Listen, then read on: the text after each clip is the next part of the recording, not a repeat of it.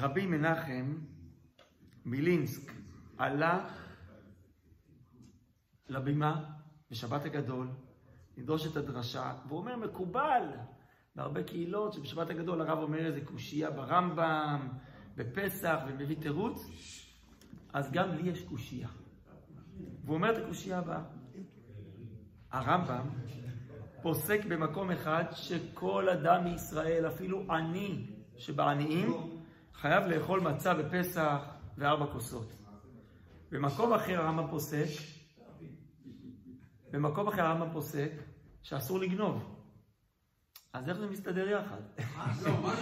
אם אני, שבישראל צריך שיהיה לו כמות כזאת של כסף להוצאות החג, אבל אין לו, אז אם לגנוב אסור, אז מה הוא אמור לעשות? יש קמחא דפסחא. אז הוא אומר, יש, יש, יש לקושייה הזאת תשובה אחת. יקומו העשירים וייתנו בעין יפה מעות חיטים, כדי שהעניים יוכלו לקנות מצות ובשר ויין. זה הייתה התירוץ לקושייה. זה ראיתי בספר, בספר מסביב לשולחן, אה, אה, לאבא שלי יש ספר על פרשת שבוע, ויש לו ספר על מועדי השנה. זה בספר על המועדים. אה, אגב, יש עוד סיפור יותר חריף, שהוא מביא על רב אייזל חריף. הוא נכנס לפני פסח לבית של עשיר קמצן. אמר לו, צריך עכשיו הרבה עזרה למשפחות העניות פה. העשיר הקמצן אמר, לא, לא, אין לי, תוך כדי שהוא בודק את הכיסים מפירורים. אז רב אייזל אמר לו, אה, אתה פטור מבדיקת הכיסים. אמר לו, למה אני פטור? הוא אומר לי, כי היהדות שלך מגיעה עד הכיס. הכיסים שלך כבר, אתה לא רואים את היהודי שבך.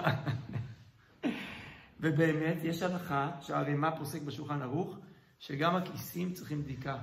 אבל זה לא רק בפסח. בכל השנה צריך לבדוק את הכיסים, אם אין לי ממון שהוא לא שלי, וזהירות מגזל, ואם אני משלם למי שאני חייב לו בזמן, וגם אם אני נותן מעשרות או מה שאני יכול, כל אחד כפי יכולתו. ואני חושב שזה באמת קשור לפסח. לא רק כי בפסח יש הרבה הוצאות, אלא כי האדם שנותן הוא אדם חירותי. חירות מתבטאת ביכולת להיות גדול עצמאי, להיות אדם נותן. מה, מה, במה מתבטא קטן? קטן הוא מקבל, הוא תלותי, הוא לא עצמאי. מה, במה מתבטא גדול? שהוא נותן. אני חושב שכשבברית מילה אומרים, זה הקטן, גדול יהיה, אני לא יודע אם מכוונים על מטר שמונים גובה או על משקל. מכוונים שהוא יעבור את השלב שהוא רק מקבל ויזכה להיות אדם שנותן, מעניק, לא רק כסף. אז פסח זה גם חג הנתינה.